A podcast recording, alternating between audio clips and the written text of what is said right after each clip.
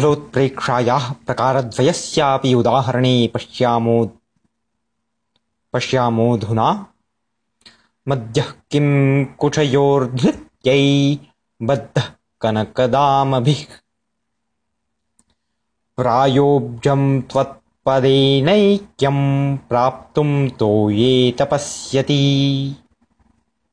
अत्र फलोत्प्रेक्षायाः लक्षणं स्मारयामि अफलस्य फलत्वेन सम्भावनं भवति फलोत्प्रेक्षा अत्र काचित् कस्याश्चित् स्त्रियः वर्णनं भवति प्रथम प्रथमे वाक्ये। कनकधा कनकदामभिः यस्याः मध्यः बद्धः तन्नाम त्रिवलयेन आभरणेन आभरणविशेषेण आभरणविशेषेण तस्याः स्त्रियाः उदरम् उदरः बद्धोऽस्ति। तत्र अफलं भवति कुचयोः नाम स्तनयोः उद्धरणं परन्तु तादृशम् अफलं फलमिव सम्भावयति कविः। अस्य आभरणविशेषस्य धरणे, धरणस्य। तेनात्र फलोत्प्रेक्षास्तीति तु सिद्ध एव। इति सिद्धमेव।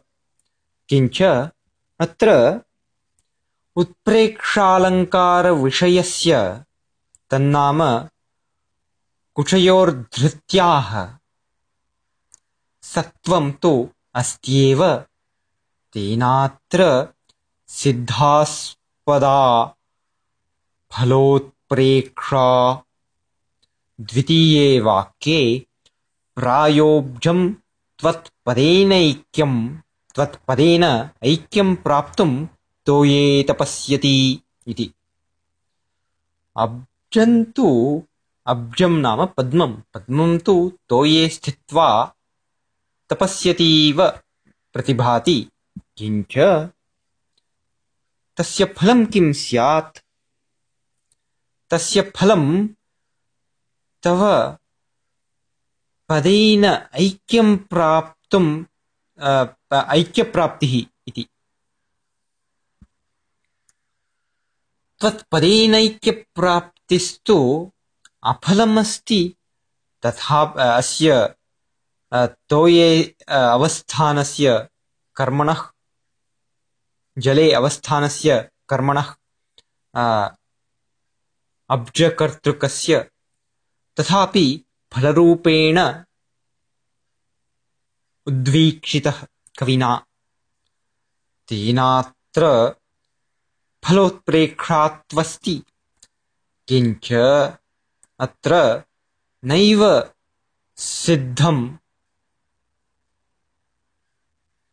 नैव सिद्धः विषयः अत्र फलोत्प्रेक्षा फलोत्प्रेक्षायाः विषयस्तु भवति कस्याश्चित् पदेन ऐक्यप्राप्तिः तादृश्याः ऐक्यप्राप्त्याः अभावः अत्र ध्वन्यते। यतोहि तस्याः तस्याः पदन्तु तस्याः पादस्तु भवति